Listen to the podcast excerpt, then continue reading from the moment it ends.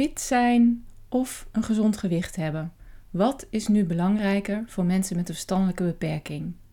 Daarover ga ik in gesprek met Aleid Opperwal. Aleid is universitair docent bij de leerstoel Geneeskunde voor verstandelijk gehandicapten. Dat is ze bij het Erasmus MC in Rotterdam en ze houdt zich bezig met onderzoek naar de gezondheid van mensen met een verstandelijke beperking.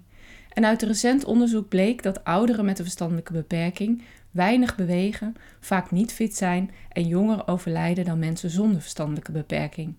Dat is voor veel mensen niet zo verrassend.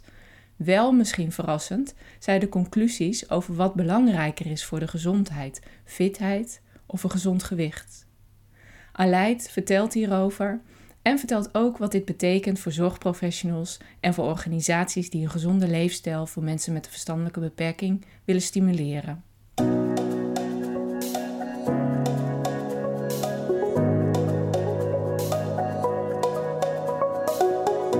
Je luistert naar Positief Motiveren, de podcast voor zorgprofessionals die nieuwsgierig zijn hoe motiveren leuker en makkelijker kan.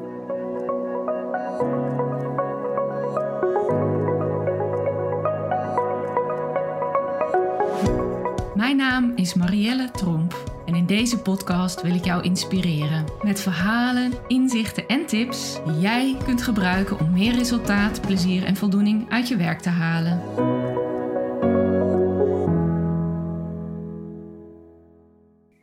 Goedemorgen Aleid, van harte welkom in de podcast.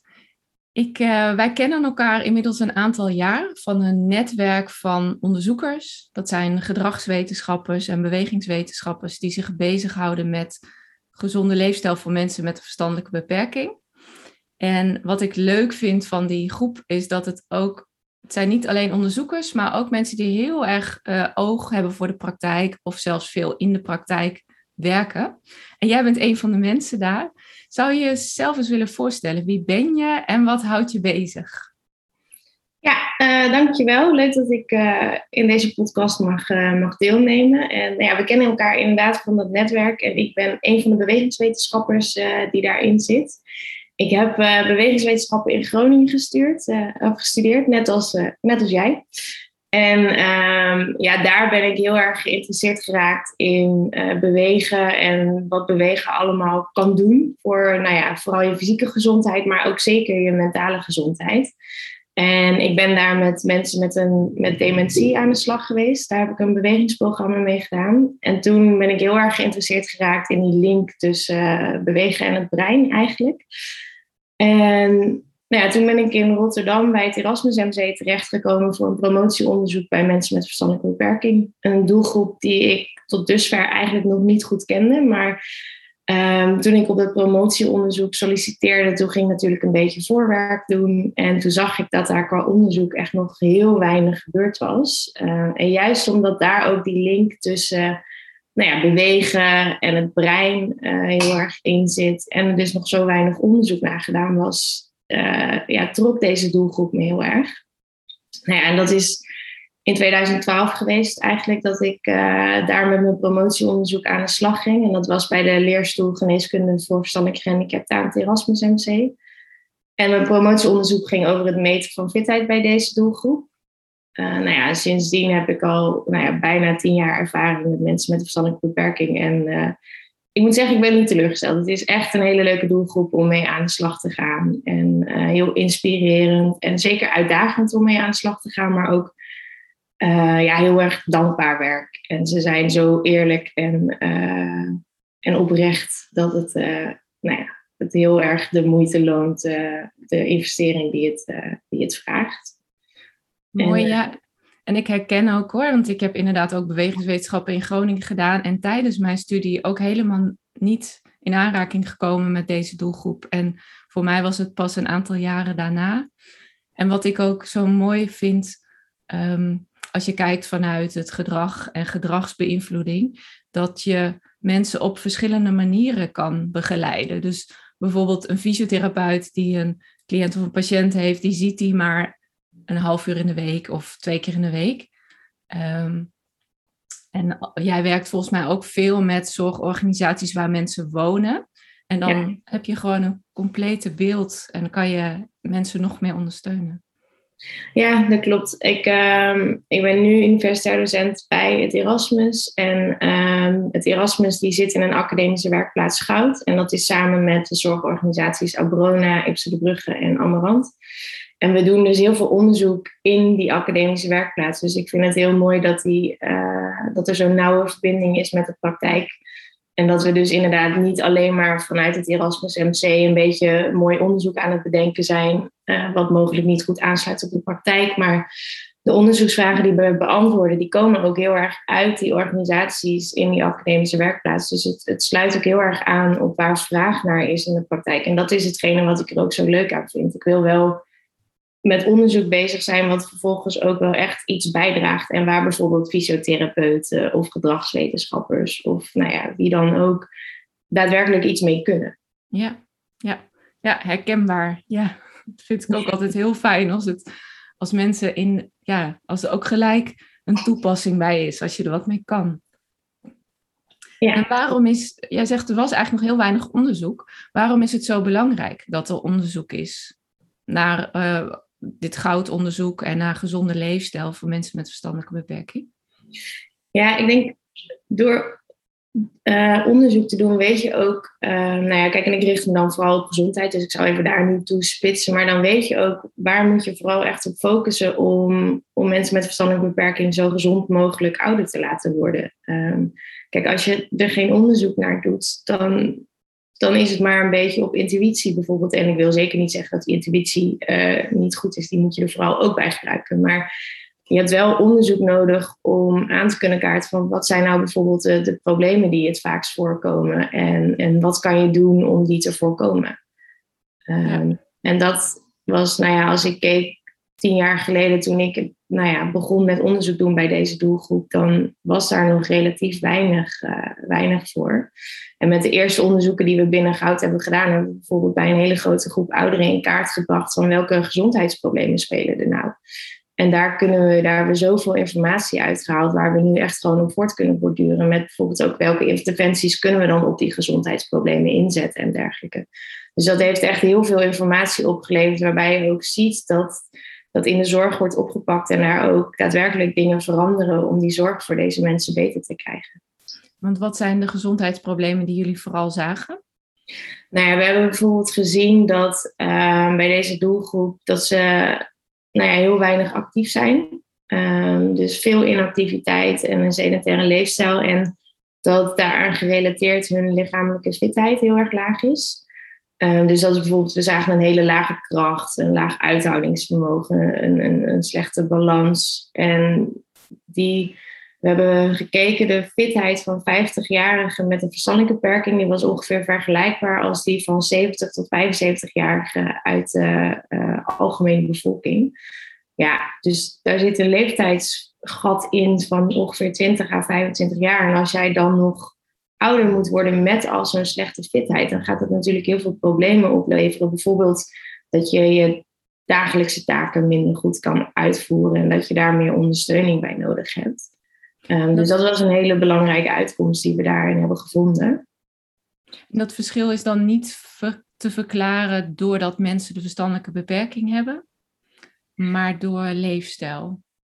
Uh, ja, waar het precies allemaal door te verklaren is, dat, dat, dat konden we uit het onderzoek niet halen. Maar wel, um, kijk, we weten dat mensen met verstandelijke beperking, als ze bijvoorbeeld gaan sporten, gaan trainen, dat die fitheid kan verbeteren.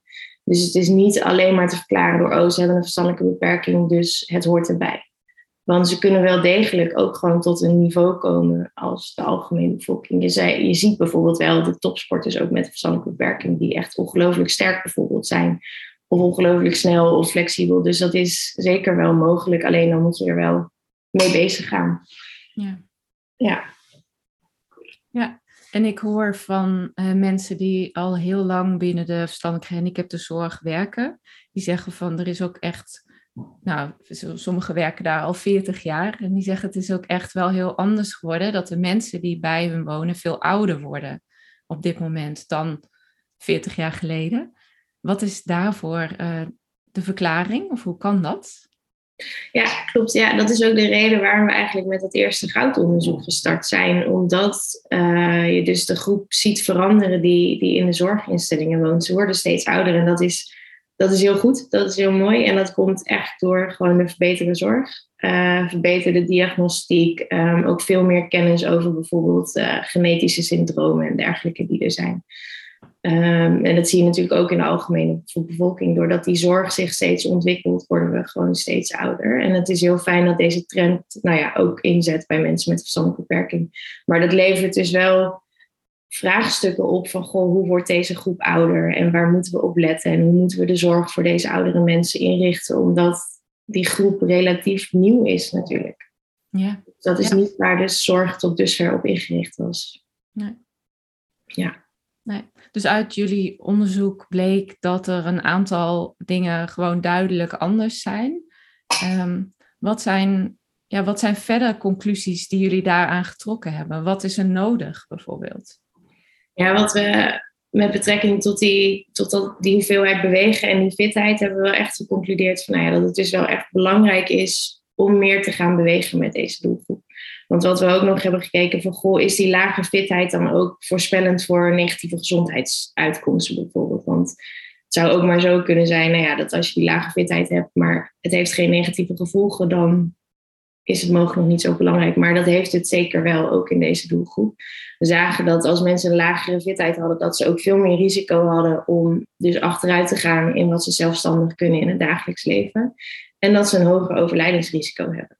Ja. Ehm, dus het is wel heel belangrijk om op die fitheid uh, te focussen en daarop te gaan trainen. Uh, of in ieder geval gewoon wat meer beweegmomenten in een dag in te plannen. Om te zorgen dat ze in ieder geval op die zeg maar voorkombare dingen. Uh, zoals bijvoorbeeld achteruit gaan in het dagelijks leven. Als jij fit blijft, dan kan je daar wel wat het een en ander in voorkomen. Dat ze daar uh, nou ja, toch minder snel op achteruit gaan. Want je zegt mensen bewegen dus minder dan um, de gemiddelde Nederlander. Ja. Hoe, hoeveel minder is dat? Ja, we hebben dat in het goudonderzoek niet zo uit kunnen splitsen tegenover elkaar, omdat we het dan net op een andere manier hadden gemeten dan zoals bijvoorbeeld de, de, de beweegrichtlijnen dan waren. Maar in andere onderzoeken is bijvoorbeeld wel naar voren gekomen dat nou ja, wereldwijd ongeveer 9% van de mensen met verstandelijke beperking aan de beweegrichtlijnen doet. Um, en als ik volgens mij de cijfers van de algemene bevolking voldoet ongeveer zo'n 52, 53, 54, ergens zo net boven de 50% van de mensen aan de beweegrichtlijnen. Ja, dus daar, wat is de ehm, beweegrichtlijn voor de... Ja, voor de volwassenen is dat dat je 150 minuten in een week matig intensief uh, moet bewegen. En dan twee keer in de week spier- en botversterkende oefeningen. En voor ouderen zitten daar dan ook nog wat balansoefeningen bij. Um, en als je dat zo hoort, die beweegrichtlijn, dan kan je ook wel voorstellen dat als je bijvoorbeeld iemand hebt met een ernstige verstandelijke beperking, ja, dan is dat ook wel echt heel uitdagend om 150 minuten in de week matig intensief aan de slag te zijn. Dus het is voor sommige mensen met een verstandelijke beperking misschien ook niet helemaal haalbaar om die volledige beweegrichtlijnen te halen, maar voor sommigen ook zeker wel. Ja. Uh, met de juiste ondersteuning. Maar we hebben daarom ook uh, met Kenniscentrum Sport een infographic gemaakt van de beweegrichtlijnen, speciaal voor mensen met verstandelijke beperking. En daar hebben we ook de focus wat niet zo neergelegd op die 150 minuten per week, maar wat meer op, uh, nou ja, probeer een extra beweegmoment in de dag in te plannen. Want het is ook zo dat elk beetje meer bewegen dat je doet al een gezondheidsvoordeel heeft. Ook al haal je die 150 minuten niet. En ook dat we de focus hebben gelegd op uh, probeer wat minder te zitten. Want dat is ook heel erg duidelijk dat veel zitten, dat dat ook nou ja, heel slecht voor je gezondheid is. Dus net een beweegmomentje meer en wat minder zitten, daar kan je ook gezondheidswinst mee maken. En dat maakt het dan haalbaarder natuurlijk. Ja, inderdaad, dat laatste, dat vind ik voor, ook voor de bijvoorbeeld begeleiders op woonlocaties, vind ik dat echt heel fijn concreet. Ik heb op heel veel woonlocaties meegelopen en meegedraaid. En eh, nou, met name in de avond zie je dat soms mensen echt heel lang zitten. Vanaf na het eten tot met dat ze naar bed gaan, soms bijna. En ik snap ook wel, ja, het is gewoon ook voor begeleiders ontzettend druk om, om daar iets in te veranderen. Dus vanuit, uh, ja, vanuit wat is haalbaar, maar ook van waar, waar, heb je eigenlijk de grootste winst? Zijn we op sommige locaties dan begonnen met hoe kunnen mensen dat langer zitten onderbreken? Gewoon één of twee keer. En dan kom je uit als uh, in, in kleine dingen, als zelf koffie uit de keuken halen bijvoorbeeld. Zijn dat ook de richtingen waar jullie naar kijken? Ja, we hebben, ik zou er wel heel graag in het onderzoek ook naar willen kijken. We hebben niet zo gekeken van, goh, wat zijn inderdaad die hele kleine veranderingen die je doet? Zoals inderdaad gewoon meehelpen met het afruimen van de tafel en dat soort zaken. In hoeverre die al gezondheidswinst halen. Ik zou dat heel mooi vinden van, nou ja, welke kleine stapjes zie je dan ook daadwerkelijk terug? Maar dat is wel heel vaak ook een advies wat ik meegeef. Want ik heb ook inderdaad, als ik begeleiders spreek en zeg ze, ja, we weten dat bewegen belangrijk is, maar we hebben het zo druk met andere dingen. Ehm, en hoe krijgen we dat voor elkaar? En dan noem ik ook heel vaak dit soort dagelijkse eh, dingen eigenlijk, waar je ook gewoon de mensen met verstandelijke beperking kan laten meehelpen. En dan kost het misschien in het begin net even iets meer tijd dan als je het zelf zou doen, maar ze zijn wel actiever. En wat ik ook altijd zeg is, bewegen is ook geen topsport. Want dat is ook vaak het idee wel wat er hangt van, oh ja, maar dan moeten ze gaan sporten. En denk ik, nee, dat is niet altijd het geval. Kijk, als iemand dat kan, stimuleer dat vooral. Maar als iemand dat niet kan, dan is ook inderdaad in het dagelijks leven meehelpen. Of een extra wandelingetje op een dag. Of even de post wegbrengen ergens naartoe. Dat soort zaken uh, helpen dan ook al mee. Ja. Ja. Mooi. Ja. ja. Herkenbaar ook inderdaad. En dat is vaak wat ik ook zelf vaak zie en zeg, is dat dat ook de dingen zijn die elke dag weer terug kunnen komen. Dus als iemand de gewoonte ontwikkelt om inderdaad nou ja, de post weg te brengen of de was op te halen of zijn koffiekopje naar de keuken te brengen. Dat is een activiteit die ook elke dag weer terugkomt. Terwijl gaan sporten of gaan bewegen. Inderdaad, wat jij zegt hoor, hartstikke mooi als het lukt. Maar er zijn zoveel redenen waarom het misschien uh, ja, uh, een keer een dag niet door kan gaan. Of uh, waardoor het niet elke dag gebeurt. Ja, precies. En als je dan wel in je dagelijks leven gewoon aan een soort dagelijkse beweging kan komen, dan, dan helpt dat wel heel erg mee. En we proberen met ons onderzoek vooral gewoon nou ja, in eerste instantie al aan te tonen waarom het zo belangrijk is. Ik denk mensen moeten vooral ook weten van joh, wat is er belangrijk en nou ja, waar moet ik dan inderdaad op richten om deze groep zo gezond mogelijk uh, te houden. En verder zijn we ook aan het kijken van goh, wat voor, zijn dan beweeginterventies bijvoorbeeld die daarbij kunnen ondersteunen. En, en hoe kunnen we dus het meer laten bewegen ook inderdaad zo goed mogelijk voor elkaar krijgen. Ja. En nou zijn wij allebei bewegingswetenschappers en daardoor misschien van nature als eerste gericht op bewegen. Maar als je naar gezondheid in brede zin kijkt, daar hebben jullie ook naar gekeken. En um, ik begreep dat jullie ook hebben gekeken van ja, want wat nu ook heel veel gebeurt, is dat er op gewicht gelet wordt. Wat kan je dan het beste doen? Alles tegelijk? Of wat kan je het beste, waar kan je het beste op richten? Ja, ja, we kijken ook inderdaad gezondheid breed en ook leefstijl breed. Want leefstijl bevat natuurlijk ook veel meer dan bewegen. Het is ook gezonde voeding en slaap, uh, roken, alcoholgebruik. Um, en wat natuurlijk lastig is als iemand een plan heeft, goh, ik wil gezonder worden en die gaat meteen alles aanpakken. Vaak lukt het dan niet, want dan zijn er te veel veranderingen in één en iemands leefstijl veranderen. Dat is gewoon echt heel lastig. Um, en wat, ik, wat ons opviel is dat er bijvoorbeeld heel erg gericht wordt op uh, een gezond gewicht. Wat natuurlijk heel erg belangrijk is voor, voor nou ja, bijvoorbeeld cardiovasculair risico, dus risico op hart- en vaatziekten en dergelijke.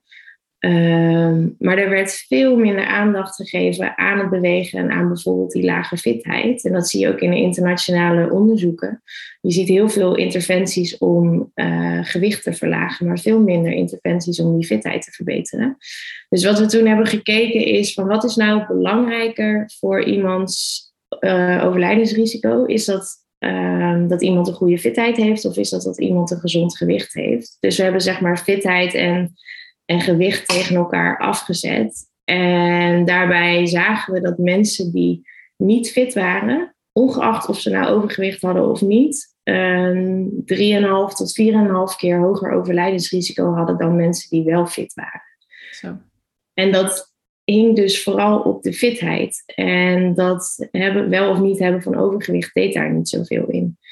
Dus daarmee gaan wij ook wel inderdaad naar de organisaties toe van joh, focus ook vooral op die fitheid. En ik wil daar niet mee zeggen dat overgewicht het er helemaal niet meer toe doet. Want dat heeft natuurlijk met bepaalde gezondheidsaandoeningen is dat zeker belangrijk. Dus je moet ook wel zorgen dat mensen nou ja, zo gezond mogelijk gewicht hebben. Maar het kan dus ook zeker zijn dat je toch net wat overgewicht hebt. Maar doordat jij fit bent, je toch in die zin veel lagere risico's op gezondheidsklachten hebt.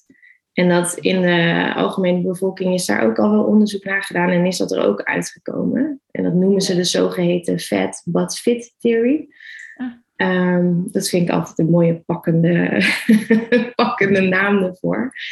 Ehm, dus ja, ik, ik dring wel een beetje aan op dat die fitheid zo belangrijk is. Dus ga ook vooral bewegen. En als dat afvallen niet lukt, dan probeer daar niet op blind te staren, want dan wordt het vaak niet succesvoller. En ga bewegen en ga ook daadwerkelijk met die fitheid aan de slag. Ja, en tegelijkertijd denk ik dat ehm, het, het ook soms concreter voelt hè, om te richten op gedrag. of sorry, om te richten op gewicht omdat dat zo lekker meetbaar is. En dat je precies weet wat je kunt doen. En dat het niet altijd. Um, nou, als, je, als je het hebt over de fitheid vergroten, dan vraagt dat veel meer aanpassingen, ook van de mensen om iemand heen. Niet alleen van de bewoner of de cliënt zelf, maar ook van het hele team eromheen. Ja, maar dat is eigenlijk met voeding en het verlagen van gewicht natuurlijk ook eigenlijk wel een beetje zo. Want de cliënt moet dan gezonder gaan eten. En om af te vallen moet je niet alleen maar gezonder gaan eten, maar moet je ook bewegen. Um, dus dat vraagt natuurlijk ook al iets van het hele, de hele systeem om de cliënt heen. Dus ik denk dat dat met fitheid misschien nog niet eens zo zoveel meer is. Alleen dat het wat onbekender is, denk ik. Ehm, en dat, ja, daar moeten we zo goed mogelijk in proberen te ondersteunen. Um, en ook fitheid kan je goed meten. Uh, dat is waar mijn promotieonderzoek over gegaan is. Van hoe kan je nou goed fitheid meten bij deze doelgroep? En daar zijn best wel hele laagdrempelige uh, testen voor om dat in kaart te brengen. En daar kunnen bijvoorbeeld de fysio's in de zorginstellingen of de bewegingsagogen kunnen daar heel goed in ondersteunen. Want die kunnen die testen heel simpel in die zin af, uh, uitvoeren. Ehm, dus ik zou dat, dat niet als, als excuus willen gebruiken om nou ja, dan toch wat meer op dat gewicht te richten. Het is alleen, denk ik, fitheid is, nou ja, wat ik zeg, iets onbekender om daar ja. echt op te focussen. Ja. ja. Dus eigenlijk is jouw uh, brede advies van focus vooral ook op die fitheid en niet alleen op gewicht. Als je nou, als nu iemand hier naar luistert en die is bijvoorbeeld begeleider, wat, hoe kan die dat op een laagdrempelige manier daar wat mee doen? Ja, ik denk vooral om ook eerst te kijken naar de cliënt waar het over gaat en wat, wat is überhaupt zeg maar, het, het probleem of het vraagstuk met betrekking tot leefstijl. Moet die cliënt bijvoorbeeld echt fitter worden of, of afvallen? Of is het gewoon dat, dat de begeleider die cliënt liever in beweging, gewoon wat meer in beweging wil krijgen? En kijk ook vooral dan wat die, wat die cliënt ook zelf wil. Uh, misschien wil die bijvoorbeeld een bepaalde sport doen, maar is dat nog niet mogelijk? Of, of wil die helemaal niet in beweging komen? En dat hangt dan wel heel erg af van welk pad je gaat bewandelen. Maar nou ja, start ook bij de voorkeuren van de cliënt, zou ik zeggen. En betrek dan ook de desbetreffende professionals erbij, die er ook heel veel verstand van hebben. Dus vraag een fysiotherapeut, vraag een bewegingsagoog om advies. Uh, want ze begeleiden hoeft dat heus niet allemaal zelf te gaan bedenken. En ja, we hebben net al wat dingen genoemd ook. Je kan heel laagdrempelig in het dagelijks leven beginnen met mensen toch wat meer laten meehelpen en wat laten wat, wat uitdagen tot beweging daarin. En een extra rondje wandelen en dergelijke. Maar ja, het hangt heel erg af van de cliënt waarom het gaat en wat dienstvoorkeuren ook zijn. En misschien ook leuk om te noemen dat we zijn ook bezig met een, we willen een nieuw onderzoek opzetten, wat ook heel erg, dat gaat over leefstijl, zowel voeding als bewegen. Um, wat ook heel erg in gaat spelen op dat hele systeem om de cliënt heen. Want wat we ook al eerder hebben gezegd, het gaat niet alleen maar om de cliënt en de begeleider die meer aan de slag moeten. Maar het gaat om de visie van de zorgorganisatie. Het gaat om de omgeving die wel of niet uitdaagt tot, tot een gezonde leefstijl. Um, het gaat om de hele ondersteuningsring eromheen. En in dat onderzoek willen we ook juist die hele ondersteuningsring meepakken. En zo methodiek ontwikkelen. Uh, dat, dat, zo, dat een gezonde leefstijl zo beter gefaciliteerd kan gaan worden. Mooi, ja, want ik, ik zie ook inderdaad, het is een. Dan vaak niet een ja, probleem of situatie van de cliënt, maar ook van het systeem waar, waarin uh, die cliënt woont of leeft. Tegelijkertijd aan de andere kant, het, het, het, het is mooi als het van beide kanten is. Aan de ene kant dat er goed naar het systeem wordt gekeken, en aan de andere kant ook dat één losse persoon, of dat nou een begeleider is, of een broer, of een ouder, of een fysiotherapeut, dat iedereen wel beseft dat alles wat zij kunnen doen er ook toe doet. En weer aan dat hele systeem kan gaan uh, bijdragen. Ja. ja, precies. Ja, het vraagt een soort gedragsverandering van eigenlijk iedereen die erbij betrokken is. En van, het, van een visie, bijvoorbeeld van een organisatie en het hele systeem. Maar ook van de begeleider zelf en van de cliënt uh, en familie en naasten. Dus het, uh, het vraagt nogal wat gedragsveranderingen op, op verschillende niveaus. Ja, ja. En als er nu mensen zijn die luisteren en die denken, oh, maar dit wil ik ehm, ook delen binnen mijn organisatie, waar kunnen ze de resultaten van jouw onderzoek vinden? Ja, die staan uh, gepubliceerd op onze website vanuit Goud, staan er vooral. En dat is uh, goudonbeperktgezond.nl. Dus daar kun je, kunnen ze heel veel resultaten vinden. Um, nou ja, en als ze daar iets niet kunnen vinden wat ze nu wel hebben gehoord en meer over willen weten, dan kunnen ze natuurlijk mij altijd even mailen. Ja. Uh, ik zal jouw mailadres en de link ook uh, bij de notities van de podcast opnemen. Ja, ja. helemaal goed. Ja. Nou, fijn Aleid dat jij uh, wilde vertellen over je onderzoek. Um, zijn er nog verder dingen die je wilt delen of die je kwijt wilt, waarvan je denkt dat wil ik ook nog even meegeven? Uh, nee, ik denk dat we het meeste zo wel besproken hebben. Ik vond het heel leuk om zo uh, te kunnen vertellen over het onderzoek wat we doen en uh, nou ja, het belang van bewegen en een gezonde leefstijl. Dus ik hoop dat mensen geïnspireerd raken en, en hiermee aan de slag gaan. En nou ja, wat je al zei bij vragen, neem vooral contact op. Mooi, dankjewel.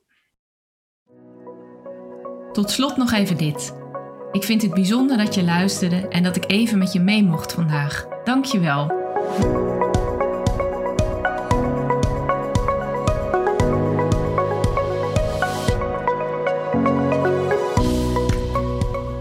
Wil je vanzelf op de hoogte blijven van nieuwe afleveringen?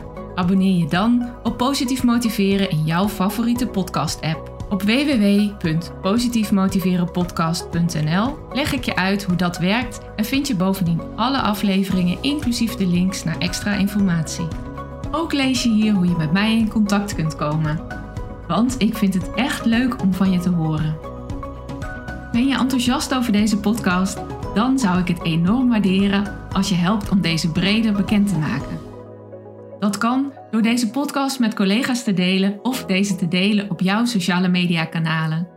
Graag tot de volgende keer.